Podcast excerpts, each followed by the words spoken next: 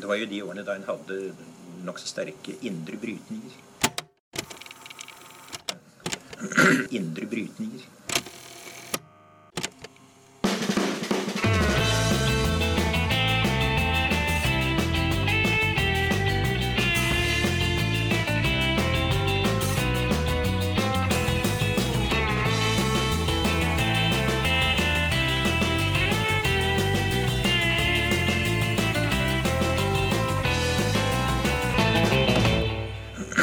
Hei og velkommen til Noen har snakket sammen. Mitt navn er Tiril Rustan Halvorsen. Og jeg heter Aksel Fjelldavli. Vi fortsetter eh, valgkampfokuset, og du nevnte forrige gang Aksel, at vi skulle snakke om velferd og helse- og omsorgssektoren. Um, og det skal vi gjøre i dag. Og eh, vi har invitert eh, Mette Nord, som er forbundsleder i Fagforbundet, hit til oss. Og det er jo fordi eh, Fagforbundet organiserer veldig mange av de som jobber i, i denne sektoren. Dere har nesten 360 80 000 medlemmer. 370 000 370 er vi 000 nå. medlemmer, Ja. Alle de jobber ikke i helse og omsorg, men kanskje du kan fortelle litt om Fagforbundet? Nei, men hovedsakene av de jobber faktisk inn mot velferd på en eller annen måte. Sånn at eh, Fagforbundets medlemmer jobber egentlig sånn inn i hjertet av velferdsstaten og for innbyggerne. Det er i grunnen alt det som er offentlig finansiert gjennom skatt, som eh, vi har medlemmer i. Og Derfor så er jo dette en ekstremt viktig valgkamp. Fordi det handler jo både om å velge arbeidsgiverne sine, men som 370 000 medlemmer så er vi altså 6,7% av befolkningen. Så det er jo ikke en helt ubetydelig andel eh, av befolkningen. Så hvem som styrer Kommune-Norge, det har stor betydning for hvordan våre medlemmer som innbyggere også skal ha det. Så derfor er det viktig. Tenk å kunne velge sine egne arbeidsgivere. Det er jo et privilegium, men også sikkert eh, Ikke sant? vanskelig. Ikke sant? Um, to av de temaene vi tenkte vi skulle snakke om i dag, er eh, deltid og heltid i, i kommunen, men også profitt i velferd. Og de to sakene har jo vært mye oppe i valgkampen. Men hvorfor er det viktig for, for dere? Det ene er jo som arbeidstakere, for det er jo en arbeidstakerorganisasjon vi er, så handler det jo om å ha trygge og gode jobber. Og hele faste stillinger er jo liksom hele premisset for både å ha en eh, lønn å leve av, kunne planlegge fritid, arbeidstid, livet sitt. Det at du som nyutdanna kommer ut i jobb og kan eh, starte livet, voksenlivet på ordentlig med å få et sted å bo, kjøpe seg sin egen leilighet. altså Alle disse tingene her forutsetter jo at du har en, en planlagt økonomi. Eh, og det vi ser er jo at eh, veldig mange av de som i hvert fall innenfor helse og omsorg, de får et sånt tilbud. Hvis de får fast jobb, så får de eh, tilbud om 20-30% som en type inngangsbillett i eh, arbeidslivet. Og så må de jakte vakter for resten. Men banken er ikke så glad i den der jakte vakter. Fordi det er ingenting, selv om du kan historisk etter hvert fortelle at ja, men jeg jobber jo ca. det, så handler det om at de vil ha en en forutsigbarhet og en trygghet for at når de låner ut penger, så får vi pengene tilbake igjen. Og så er det dette med profitten. Det handler jo om eh, Dette er også trygge, gode jobber, men det handler jo også om det yrkesfaglige. Det handler jo om å eh, som arbeidstaker kunne planlegge lenger enn en horisont på fem år. Fordi anbudene gjør at du skal faktisk ut på anbud, og plutselig så kan det være andre som overtar det arbeidet som en har- og en blir tilbudt hvis en kommer over helt andre arbeidsvilkår. Men det stykker opp mulighetene til å drive de offentlige tjenestene på en god måte og bruke hele verktøykassa som en kommune er. Da. Vi, vi tenkte vi skulle bore litt i hvert av de eh, to områdene. Kan ta deltid først. Eh, og der har det jo vært litt, eh, litt diskusjon eh, både i si, debattmøter osv., men også i media. Bl.a. rundt bruken av ordet deltidskrise. Og du har jo vært en av de som har brukt det ordet. Eh, og da så jeg bl.a. at Aftenposten skrev, det var vel på lederplass, så, så var de kritiske til bruken av det ordet og pekte på at det blir mindre vanlig med deltid, men også at, at uh, utviklinga går rett vei innenfor ufrivillig deltid. Uh, sånn at dette er, ikke, dette er ikke en krise, det er noe som går seg til, da, underforstått. Kommer an på hvor tålmodig du skal være det. Fordi eh, det handler jo faktisk om å ha bemanning nok til at tjenestene har en forsvarlighet. Og, hvis, eh, og det er også sånn at alle politikere alle på en måte mener at det er viktig at det er færrest mulig som eh, pasienter har å forholde seg til. Mm. Da er det på en måte uforenlig å si at dette er ikke noe krise, når vi vet at en pasient kan risikere å ha 60 forskjellige mennesker inn i, i døra si i løpet av en måned. Da er det, eh, vil jeg påstå, uforsvarlig. Og det er ikke fordi den enkelte ikke gjør en god jobb, men det er rett og slett for at systemet gjør at du pulveriserer hele muligheten til å følge opp pasientene på en god måte. Den, eh, og Det er pasientperspektivet. Og Det andre perspektivet er jo nettopp dette med skal vi klare å rekruttere folk til denne sektoren? så må vi jo nødvendigvis sørge for at de har et arbeidsliv hvor de vet at de kan få jobb, istedenfor at det er sånn ja, jeg skal være fornøyd hvis jeg får 20-30 nå, så kan jeg jo alltids jobbe meg oppover. Og vi hører fra eh, mange eksempler på at det har liksom tatt 10-15 år før folk får seg en full jobb. Eh, det går ikke. Det, altså, og da tenker vi at de som prøver å nå eh, latterliggjøre at vi kaller dette en krise, de har abdisert fra både ansvaret for å ha et ryddig og ordentlig arbeidsliv, men jammen også for at sektoren skal ha kvalitet i tjenestene. Mm. Bent Høie for eksempel, så jeg kommenterte du hadde sammen med det var vel leder i Delta og i Sykepleierforbundet et, eh, et, oppslag, og da sa han jeg er jo helt enig med disse tre. sa han. Men da er, er ditt svar da at ja, kanskje det, men dette går ikke fort nok? Ja, altså Hvis de er enige i den problembeskrivelsen vi har, eh, da syns jeg jo at eh, det er ganske underlig hvis de prøver å avblåse og avfeie det som at dette er ikke noe krise. Jo, det er en krise. Fordi Eh, folk kan ikke leve med og ikke kunne planlegge livene sine. Kan ikke planlegge å følge opp ungene sine på foreldremøter foreldremøte eller eh, andre aktiviteter fordi de går konstant med telefonen i lomma og må ta vakter for å sikre at de har inntekt nok til å betale regningene neste måned. Det er, da har på en måte ikke forstått alvoret i den utryggheten folk har. Hvor stort omfang er det snakk om? Hvor mange av deres medlemmer f.eks.? Ja, I helse og omsorg i kommunene så snakker vi om at 70% av de som jobber, jobber deltid. Og det er, et, eh, og det er bare altså 30% som har heltid. Det må jeg jo si at Når vi snakker om de mest sårbare av innbyggerne, som trenger kontinuitet, som trenger oppfølging, som trenger virkelig at noen kan følge dem i et litt lengre perspektiv, og skulle stadig ha nye folk inn til seg, og som ikke vet hva som skjedde i går, ikke eh, har på en måte peiling på eh, effekter i et litt sånn lengre perspektiv, på medisiner, på appetitt, på hvordan de drikker, bevegelse osv., osv., men bare for sånne øyeblikksinntrykk. Eh, Mm. Hvem skal sette det inn i helheten? Det blir jo en enorm administrasjon hvis man skal sikre kvalitet i alle disse overgangene mellom ulike mennesker. Eh, det andre perspektivet er jo at eh, hvis jeg som helsearbeider begynner i 20% stilling, hvordan i all verdens land skal jeg trene meg opp til å bli en god fagarbeider? Enten det er som eh, sykepleier eller som, som helsefagarbeider.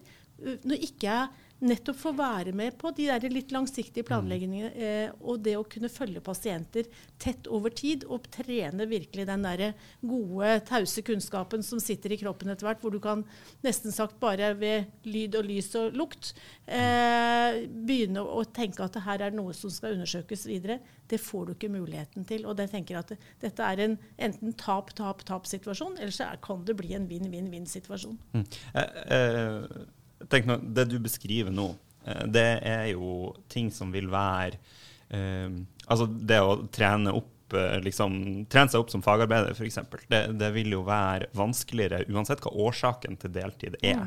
Men samtidig så er jo en Det har i hvert fall vært en viktig del av debatten har jo vært en diskusjon om årsaker og skille mellom frivillig og ufrivillig deltid. Eh, og så har jeg også sett at Fafo i en rapport også delte opp noen sånne gråsoner. At det er noen som eh, sier at de eh, ønsker jobbe deltid, f.eks., men så hvis jobben hadde vært tilpassa, så kunne de egentlig tenkt seg til til å jobbe heltid osv. Så, videre. så Så jeg lurer på hvordan skal man forholde seg til den For, for noen så er det jo på ekte frivillig å, å jobbe deltid. Og så er det noen gråsoder, og så er det noen som helt åpenbart er ufrivillig. Hvordan forholder man seg til de som kanskje egentlig har lyst til å jobbe deltid?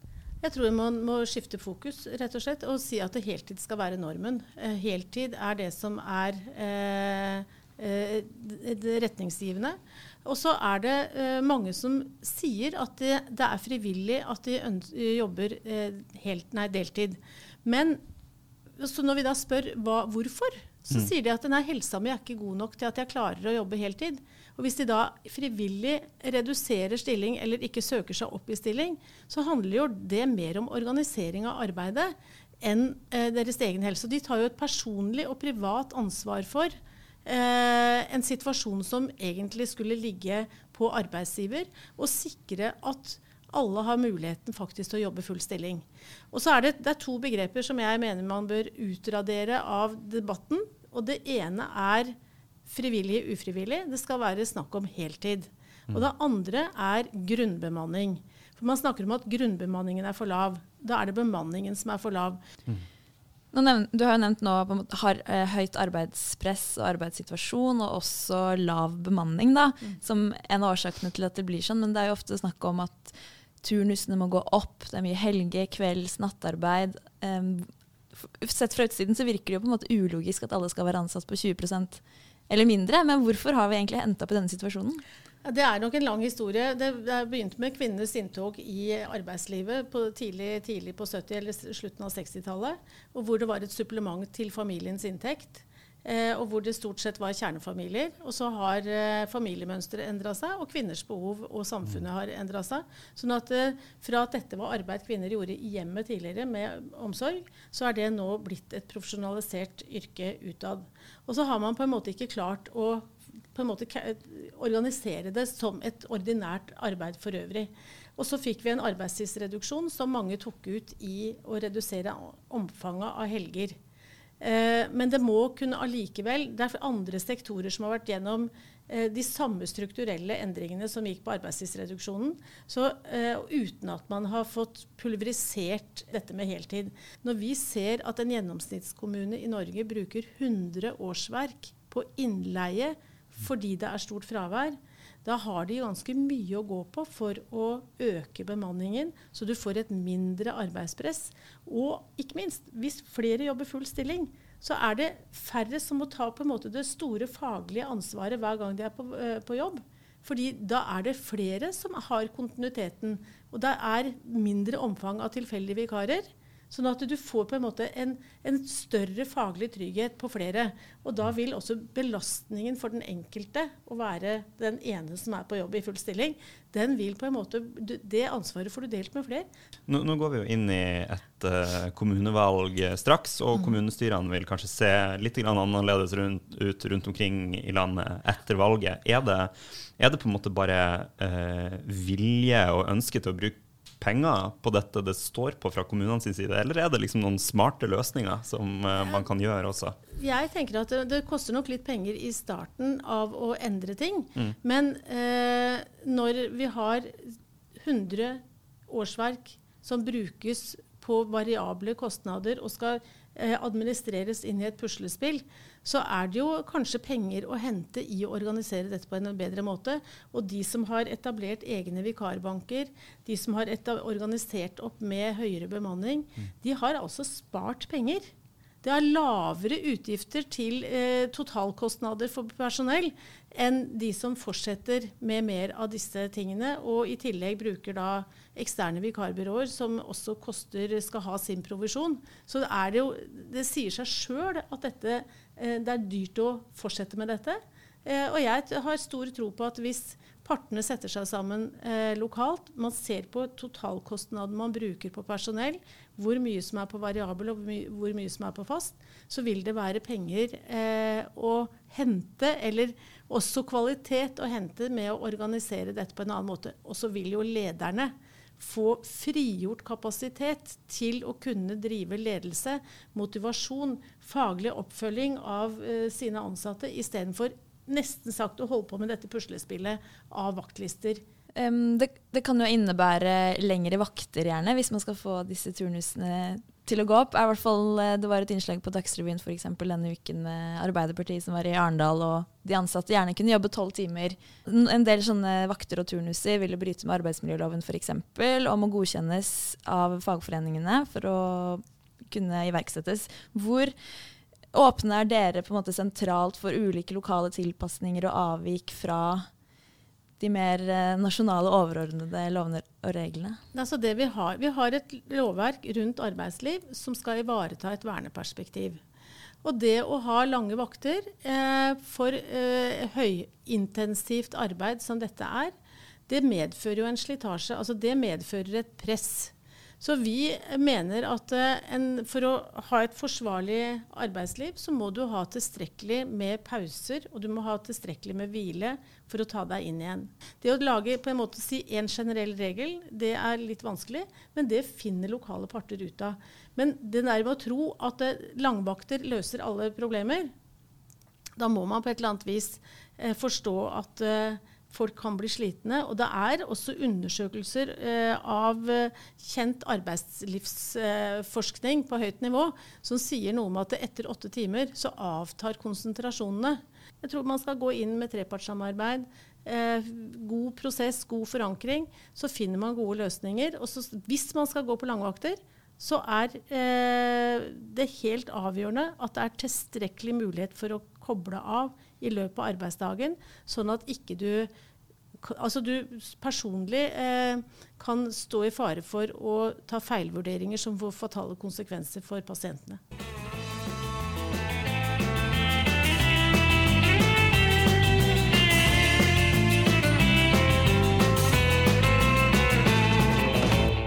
Det, den andre saken vi tenkte vi skulle prate med deg om, er jo dette med profitt i velferd. Eh, det, hvor mye har det å si hvem som driver det, hvis, hvis, kvaliteten er den samme? Man har jo vunnet et anbud fra kommunen f.eks., med ganske strenge krav ofte. Jeg tror at eh, de ansatte eh, i tjenestene, uansett om de er i det offentlige eller private, de gjør en god jobb. Så de, de har deres oppmerksomhet er knytta til innbyggeren, enten det er barn i barnehagen eller det er syke på sykehjemmet. Når vi går imot profitt i velferden, så handler det om at skattepengene vi betaler inn alle sammen til fellesskapet, de skal forvaltes best mulig til felles, til, både til og for fellesskapet. Eh, når en nå eh, har eh, åpna opp for private, f.eks. i barnehagene, ser vi jo at de tar ut ganske mange millioner i profitt eh, gjennom driften. Det har blitt et investeringsobjekt. Sånn at eh, når det er internasjonale store finansselskaper som står bak oppkjøp av barnehager, de vet at de har altså sikre inntekter. Så lenge det er en unge i Norge som har behov for å ha garanti for å få barnehageplass, så har de inntekter. Eh, og på den måten så er dette eh, gode objekter ikke bare for å drive barnehage, men for å skaffe billig lån til å finansiere på helt andre fronter. Så dette er jo blitt en, en, spekulasjonsøkonomi, nesten. Det er det ene siden som vi mener er helt absurd og skulle ikke vært mulig. Det andre er at uh, anbudene, som da ofte er forbundet med private og kommersielle selskaper, de skal jo da uh, Det er kontrakter på en fire-fem-seks år av gangen. Og det uh, betyr jo at tjenesten kan plutselig endre innhold. Normalt så vil de ansatte kunne følge med over, men da får de andre arbeidsbetingelser. 80 eh, av kostnadene knytta til helse og omsorg er lønn og pensjon. Så det er jo der i tilfelle, hvis det er noen som kan tjene penger på dette, så handler det jo om å enten ha en annen fagsammensetning eller eh, to, ha dårligere tariffavtaler. Og så tror vi at har du et eierforhold gjennom at dette er en eh, kommunal drift, de har mye, mye større sjanse for å kunne samarbeide med både ansatte og brukere for å utvikle tjenesten til en god måte, istedenfor at eh, de har da lagt det ut til én eh, anbuder. Da.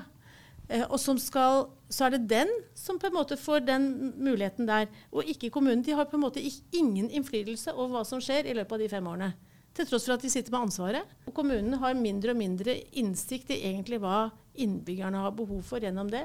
Og hvis de da splitter opp og deler, deler ut anbud på ulike typer tjenester fra ulike sektorer til mange forskjellige, så sitter de altså eh, uten mulighet til å bruke hele den verktøykassa som alle sektorene i kommunen er. Så jeg mener det er, det er ineffektivt. Det vil bli dyrere, for det er masse transaksjonskostnader her. Eh, og i tillegg til det så blir det dårlig fagutvikling i tillegg. Det finnes jo også eller noen ganger kan det være vanskelig å se forskjell på en ideell og en, en eh, hva skal man si, en, en familieeid, en, en, kommersiell eh, bedrift eller virksomhet eller sykehjem som f.eks. er arbeidereid, eller er en sosial entreprenør eller brukerstyrt. Altså, kan man risikere å miste noen sånne reelle alternativer hvis man skal forby alle slags uh... Nei, altså, men Det er jo det vi ser at uh, vi mener at tjenestene uh, vil bli best ivaretatt og best utvikla gjennom et egenregiregime. Uh, og så har vi sett på dette med de ideelle aktørene. De ble jo på en måte et offer da, for den samme anbudskonkurransen som de andre. Eh, og de, det var jo de som tapte nettopp på når de kommersielle kom eh, sterkere på banen. Men, men eh, vi ser vel egentlig for oss at det ligger åpninger i anbudsregelverket som EØS e har, til at ideelle aktører kan behandles på en annen måte enn de kommersielle. Og vi tror at et visst supplement av de ideelle det har vi alltid hatt. Det kommer vi eh, sannsynligvis også til å ha. Så, så, vi ser for oss at det er eh, Man bør sørge for å få andre regler for de ideelle enn de kommersielle aktørene. Velstandsøkningen blant de fleste nordmenn går jo opp, og kravene man kanskje har til en viss levestandard, også kravene man da, eller hva man forventer av offentlig sektor skal levere, øker også. Mm. Hvis man legger helt lokk på på en måte eh, alternativer eller private initiativ, kan man, kan man, da se for seg at oppslutningen om det off eh, offentlige forsvinner litt? Hvis, hvis, man forventer stadig mer og mer, man kanskje ikke får det, og så går man eh, enda lenger da, til rene private tilbud. Mm. Stein Erik Hagen har jo allerede vært ute og lansert et sånn luksuseldrehjem. Mm. Kan det på en måte være en litt sånn uforutsett konsekvens av å lukke døra helt? Så de kreftene der de har vi jo uansett hvordan du snur og vender på det. Så vil eh, eh, de eh, ekstremt rike prøve å få egne behov tilfredsstilt. Så der ville du hatt et klasseskille eh, anyway, tror jeg. Men det som er viktig, er jo at ja, det er jo stadig økende krav til hva man skal få tilbake. Og det som på en måte da istedenfor å tilføre de, de kommersielle som da kommer med tilleggstjenester hele veien, på dette kan du gjøre, men det må du betale for, det andre betaler kommunen, ja, da får de en, nesten sagt en gratisreklame rett inn i norske hjem. Men, men det som er greia, det, hvis vi ser på undersøkelser, så er altså folk er veldig opptatt av at vi skal ha en god og sterk offentlig sektor. Eh, og det som finansierer den offentlige sektoren, det er skatt. Så det handler jo om å faktisk dimensjonere eh, å finansiere våre velferdstjenester på en sånn måte at eh, de er, vi har muligheten faktisk til å gjøre de gode nok. Eh, og når de rike blir rikere, som du sier, eh, og det er stadig flere som har muligheten til å kjøpe seg egne tjenester, og da spørs det om ikke vi har eh, bomma litt på hvordan vi har innretta skattesystemet vårt. fordi eh, her kunne vi da finansiert mer for flere gjennom å øke skatten for de med høyere inntekter. Når det gjelder eh, kommersielle aktører i velferden som tar ut utbytte, så eh, vet man jo at en, en del av det utbyttet skyldes direkte dårlige anbud da, fra kommunene. At man har ikke vært i stand til å prise seg riktig osv. Eh, kunne man ikke se for seg, jeg vet ikke, bare sånn teoretisk, da, et, et, uh, en todeling av kommuner der de minste kommunene som ikke har råd til advokater, f.eks. Eh, at de drev med eh, alt av velferd offentlig, mens de som var i stand til å eh, drive å si, ha kvalitetssikra gode anbud, at de med, kunne drive med noe kommersiell virksomhet. Så det syns jeg er en dårlig løsning. Men, men, det som er greia, da, det er jo at jo mer du konkurranseutsetter, Eh, også dette med å ha god kvalitet i anbudene. Spørsmålet er er det, er det noe bedre å bruke all ressurser og alle, eh, all tida si på å kvalitetssikre inn, eh, eh, anbudene og kontrollere at det som er bestilt, blir levert? Enn at man faktisk legger innsatsen inn i å ha gode tjenester i utgangspunktet. Jeg bare skjønner ikke helt eh, hvorfor den ene eh, biten er eh, høyere verdsatt enn mm. den som faktisk handler om basistjenestene til eh, alle sammen, og skal sørge for at de blir gode nok. Eh, og så er det det at det, Jo flere anbud du har satt bort, jo mer kompetanse, eller jo mindre kompetanse har du jo om hva innbyggerne har behov for. Den er det leverandørene som har, og ikke du sjøl til slutt. Så hvordan i all verdens land skal du skaffe deg god nok kunnskap om det når, når det er noen andre som hele tiden leverer og observerer hva innbyggerne har behov for. Så, så, er det jo andre områder hvor man eh, helt naturlig skal ha eh, anbud. Vi kjøper tjenester for eh, mangfoldige milliarder i året. Og det handler jo mer om uh, offentlig bygg, uh, veier, infrastruktur osv. Å ha gode anbudsspesifikasjoner på det, uh, handlingsplaner mot sosial dumping osv., så, videre, og så, videre, så er det viktig. Men for utøvelsen av de offentlige tjenestene så er det på en måte en sånn derre Ja, nei, det er bedre å ha gode advokater enn å ha gode fagarbeidere. jeg skjønner ikke greia. Da fikk du svar på det, Aksel. det er jo som sagt valg. Hvordan jobber dere og deres medlemmer eh, frem, eller opp mot politikere og lokale tillitsvalgte? Nei, det som har vært viktig i forkant av valget, er jo å få klarlagt hva politikerne sier fra de ulike partiene. Eh, er de for hele stillinger og faste stillinger? Er de for uh, egenregi? Er de for det å ha handlingsplaner mot sosial dumping, som har vært våre tre Eh, hovedviktige saker. Eh, og så er det jo det å fortelle våre medlemmer hvor viktig det nå er å bruke stemmeretten. Og så er det jo noe med eh, Etter nå fire år med 300 rød-grønne kommuner, så er det jo viktig at vi får vist fram også hva de faktisk har levert i den perioden. Mange kommuner som virkelig nå har gode resultater å vise til, så vinner ikke valg på hva de har gjort, men hva de skal gjøre. Men det er jo noe med å ha troverdigheten da, på at de faktisk har levert på det som var viktige saker. Mette Nord, tusen takk for at du kom hit, og lykke til i valgkampen. Takk.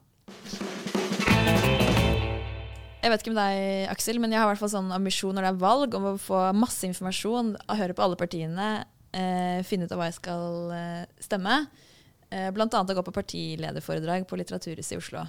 Men jeg har ikke fått gått på et eneste et. Nei, ikke jeg heller. Så da er det fint at vi har med oss eh, vår gode venn Halvor, som har sittet i hva da, ti timer har hørt på partilederforedrag? ja, nesten, nesten, ti timer. Um, de, alle, de, har fått en time hver til rådighet, men det er ikke alle som har brukt en hel time. da. Det varierer litt. Det er noen som er liksom 57 minutter, oh, ja. så er det noen som er 37 minutter.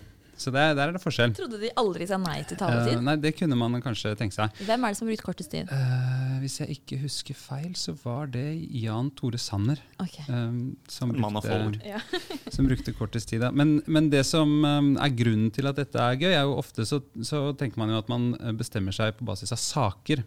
Hva, hva, folk uh, de ulike partiene mener om, om, det som er viktig for deg. Og Det er jo én måte å velge seg et parti på, men så er det jo litt sånn også at mange kanskje tenker også på et slags uh, ideologisk vis. Da, at de kjenner en ideologisk uh, nærhet til det ene partiprosjektet eller det andre. Og det er jo dette de eh, forsøksvis gir noe innblikk i i disse foredragene sine.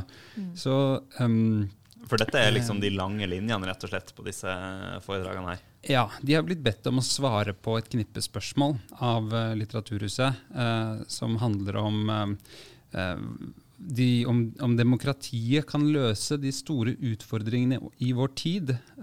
om hva vi skal leve av i framtida, og om forholdet mellom by og land.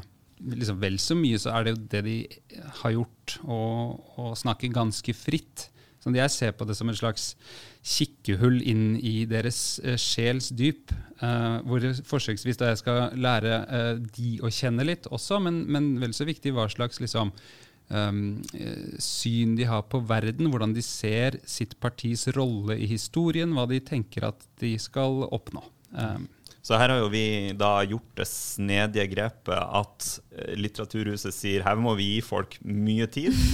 Brei dere ut på ti timer. Dette skal ikke bli sånn kjapt sånn som en debatt. Og så sier vi hei, Halvor, kan ikke du forkorte dette til sånn fem minutter for oss? Ja, det, det, er det paradoksale med hele dette prosjektet jeg har eh, satt i gang med. Det har du helt rett i. Og, og det er jo en jeg forsøker jo å liksom destillere um, en essens ut av hvert enkelt uh, av disse foredragene. Lage en slags guide til alle de velgerne uh, som vil bestemme seg også litt med utgangspunkt i ideologi. Da. Så er, vi, vi, kaller det liksom istedenfor en valgomat, fordi en valgomat har ikke vi i Agenda Magasin dessverre ressurser til å lage. Men, men, dette kan vi lage. Ja, Og det kommer som en tekst i Agenda Magasin straks? Det kommer som, det kommer som en sånn liten innledende tekst, og så kommer det som ni tekster til. for hvert. Ah, ja. det, det, er aldri ordentlig kort når det er snakk om Halvor.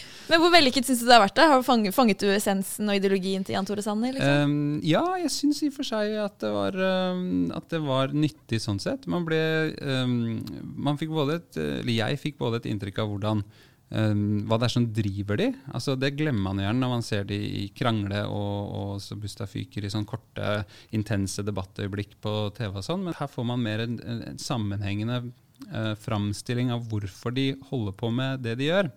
Eh, så den biten av det er vellykket. Og så syns jeg de er gode, de aller fleste, altså, på å beskrive en slags høyere himmel over den eh, hverdagspolitikken som de, som de driver med. da. Eh, altså, En ting som vi prata litt om på kontoret, jeg og du her for et par dager siden, var dette med, med fiendebilder i ja. politikken. Du fortalte at her, her, er det ganske tydelige forskjeller på partiene, hvem de ser på som sine hva jeg skal si, historiske fiender og helter. Mm. Kan ikke du si litt om det? Jo, det kan jeg gjøre. Siv Jensen er kanskje den som aller tydeligst tegner et, et, og lager et ord på de hun kjemper mot og det er formynderne.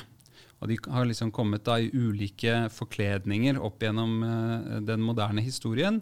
Uh, de var sosialister før, og nå er de uh, ofte klimaaktivister. de har liksom kledd på seg en slags kamuflasje i vår tid, men det er egentlig det samme som før. Og det er da det Siv Jensen er veldig imot, nemlig sånn hun framstiller det, at noen vet bedre enn deg hvordan du skal leve livet ditt de politikerne som, um, som, har den impulsen, de er det hun vil ta et oppgjør med. Da. La oss ta um, den andre ytterkanten av, det politiske spekteret. Rødt f.eks. har også noen ganske klare og tydelige historiske Både, både liksom fiendebilder og sånn, men også en, histor en, historieforståelse som strekker seg altså helt tilbake til Karl Marx' 'Kapitalen' og beskrivelsen han gir av hvordan Um, overgangen fra føydalisme til industrisamfunn i Storbritannia henger sammen med en tvungen for forflytning av landbefolkningen fra landsbygda til byene, og at dette skapte et nytt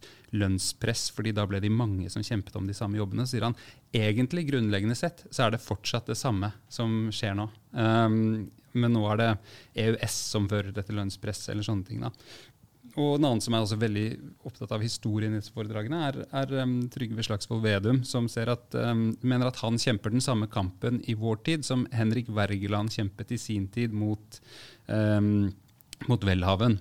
Uh, hvor det er uh, igjen et sånt uh, Hvem er det som skal bestemme? Er det, noe som springer ut av folket, eller er det noen som springer ut av en sånn sentral uh, embetsmannsfornuft? Et liksom mer sånn teknokratisk ting. Altså, det er han opptatt av. Du kom jo tidligere i år ut med en bok hvor du reiste rundt i Europa og snakket med sosialdemokratiske partier. Og, og ja, fra Europa og til Norge, ser du noen uh, Gjenkjenner du noen trekk, noen trender, noen motsetninger uh, hos de norske partilederne, som du også gjorde ute i Europa og for så vidt resten av verden? Ja, det er helt klart at uh, det er noen som føler at de er veldig på offensiven. og som, som, går inn i en sånn rolle som, som liksom målbærer av Uh, den nye tidas viktigste saker og, og, konflikter. Og den fremste der er jo eh, MDG sin nasjonale talsperson. Det er én av to. Det er han Arild Hermstad som holdt foredraget. Ja. Som liksom beskriver den grønne bevegelsen som det 21. århundrets motsvar til arbeiderbevegelsen i det 20.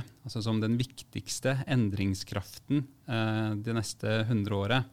Uh, og, og, så har du da Senterpartiet som målbærer et sånt opprør fra, fra distriktene. Og sånn, og det som er, er veldig likt uh, blitt i Norge og Europa, er hvordan de uh, styringspartiene, de helhetspartiene, strever med å møte disse nye offensive, mer sånn nisjepregede partiene. Da. Det Støre gjorde i sitt foredrag, var veldig sånn Han sa liksom Arbeiderpartiets historiske prosjekt er å gjøre, ta tak i problemer som menneskene opplever i sin hverdag, og løse de for dem. Det er konkret, praktisk rettet politikk for vanlige mennesker i, i landet, liksom, med et verdigrunnlag som er likhet, frihet og, sånn, og fellesskap. Um, og så sier han nå skal jeg forklare hvorfor de valgkampsakene vi har valgt i år, er de som eh, eh, heng, altså hvordan de henger sammen med dette store samfunnsbyggende prosjektet da, som strekker seg tilbake til, uh, i Norge til um, Arbeiderpartiet ble stiftet i 1887. Um, og det um, uh, fungerer jo Eller det viser jo liksom hvordan han også tenke rundt politikk. At det er et konkret verktøy for å endre konkrete, faktiske forhold i samfunnet. Um, men en ting som slo meg da jeg jobbet med, med dette, er jo at um, for en som blir um, opprørt over at uh, Amazonas brenner, da, eller at det liksom er sånne store ting som føles at det skaper en uro, og kjenner på et nytt sånt alvor i, i den store, store, politikken, liksom, um, så er det jo litt sånn Jeg vet ikke om det liksom er nok å å appellere til det som jo er viktig, nemlig folks hverdagsproblemer, men om det er nok til å få fram den sterke mobiliseringstrykket som kanskje de også er avhengig av. Da.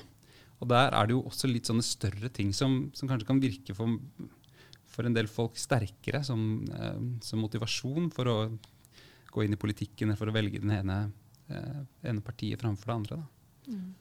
Halvor, tusen takk for at du kom hit og ga oss eh, essensen av det viktigste av ti timer med foredrag. jo, tusen takk for det. Det har vært, uh, det har vært interessant, altså. En uh, sånn uh, bare sluttkommentar er at jeg føler at jeg er blitt litt bedre kjent med disse folka enn jeg var før, og det er jo noe. Da har vi kommet til the bitter end nok en gang. Har du noe å anbefale, kanskje? Uh, ja, i hvert fall Ja. Jeg har lest uh, halve Mariana Mosucato, uh, 'The Value of Everything'. Eller jeg holder på, jeg skal lese hele. Mm. Men anbefalingen min er at du også leser den. For Eller dette er jo en av de faglige inspirasjonskildene til det grønn næringspolitikk-notatet som Tankesmien Agenda ga ut. Blant annet, ja. og det er jo litt fordi um, man lenge har sett på som uh, det offentlige eller uh, staten som ikke noe som verken kan skape verdi eller uh, ha verdi. Um, men det argumenterer hun veldig godt for hvordan, hvordan, staten både legger grunnlaget for og også skaper verdi til samfunnet. Så i en sånn næringslivspolitisk sammenheng så, så, må man regne staten inn i, en, i regningen, og ikke bare som en sånn hva skal man si eh, vedheng, kanskje. Heia staten, rett og slett. ja. eh, hva med deg? Jo, eh, jeg tenkte jeg skulle anbefale en eh, podkast fra New York Times som heter 1619. Eh, som handler om det første skipet med afrikanske slaver som kom til USA, eller til Virginia, da, det året. Eh, og hvilke konsekvenser det fikk for USA. Slaveri, rett og slett. Oi. Mm. Veldig. Ja, da satser vi på at uh, klima blir tema for neste ukes episode. Ja, vi, vi har tenkt det. Ja, flott. Ha det bra. Ha det godt.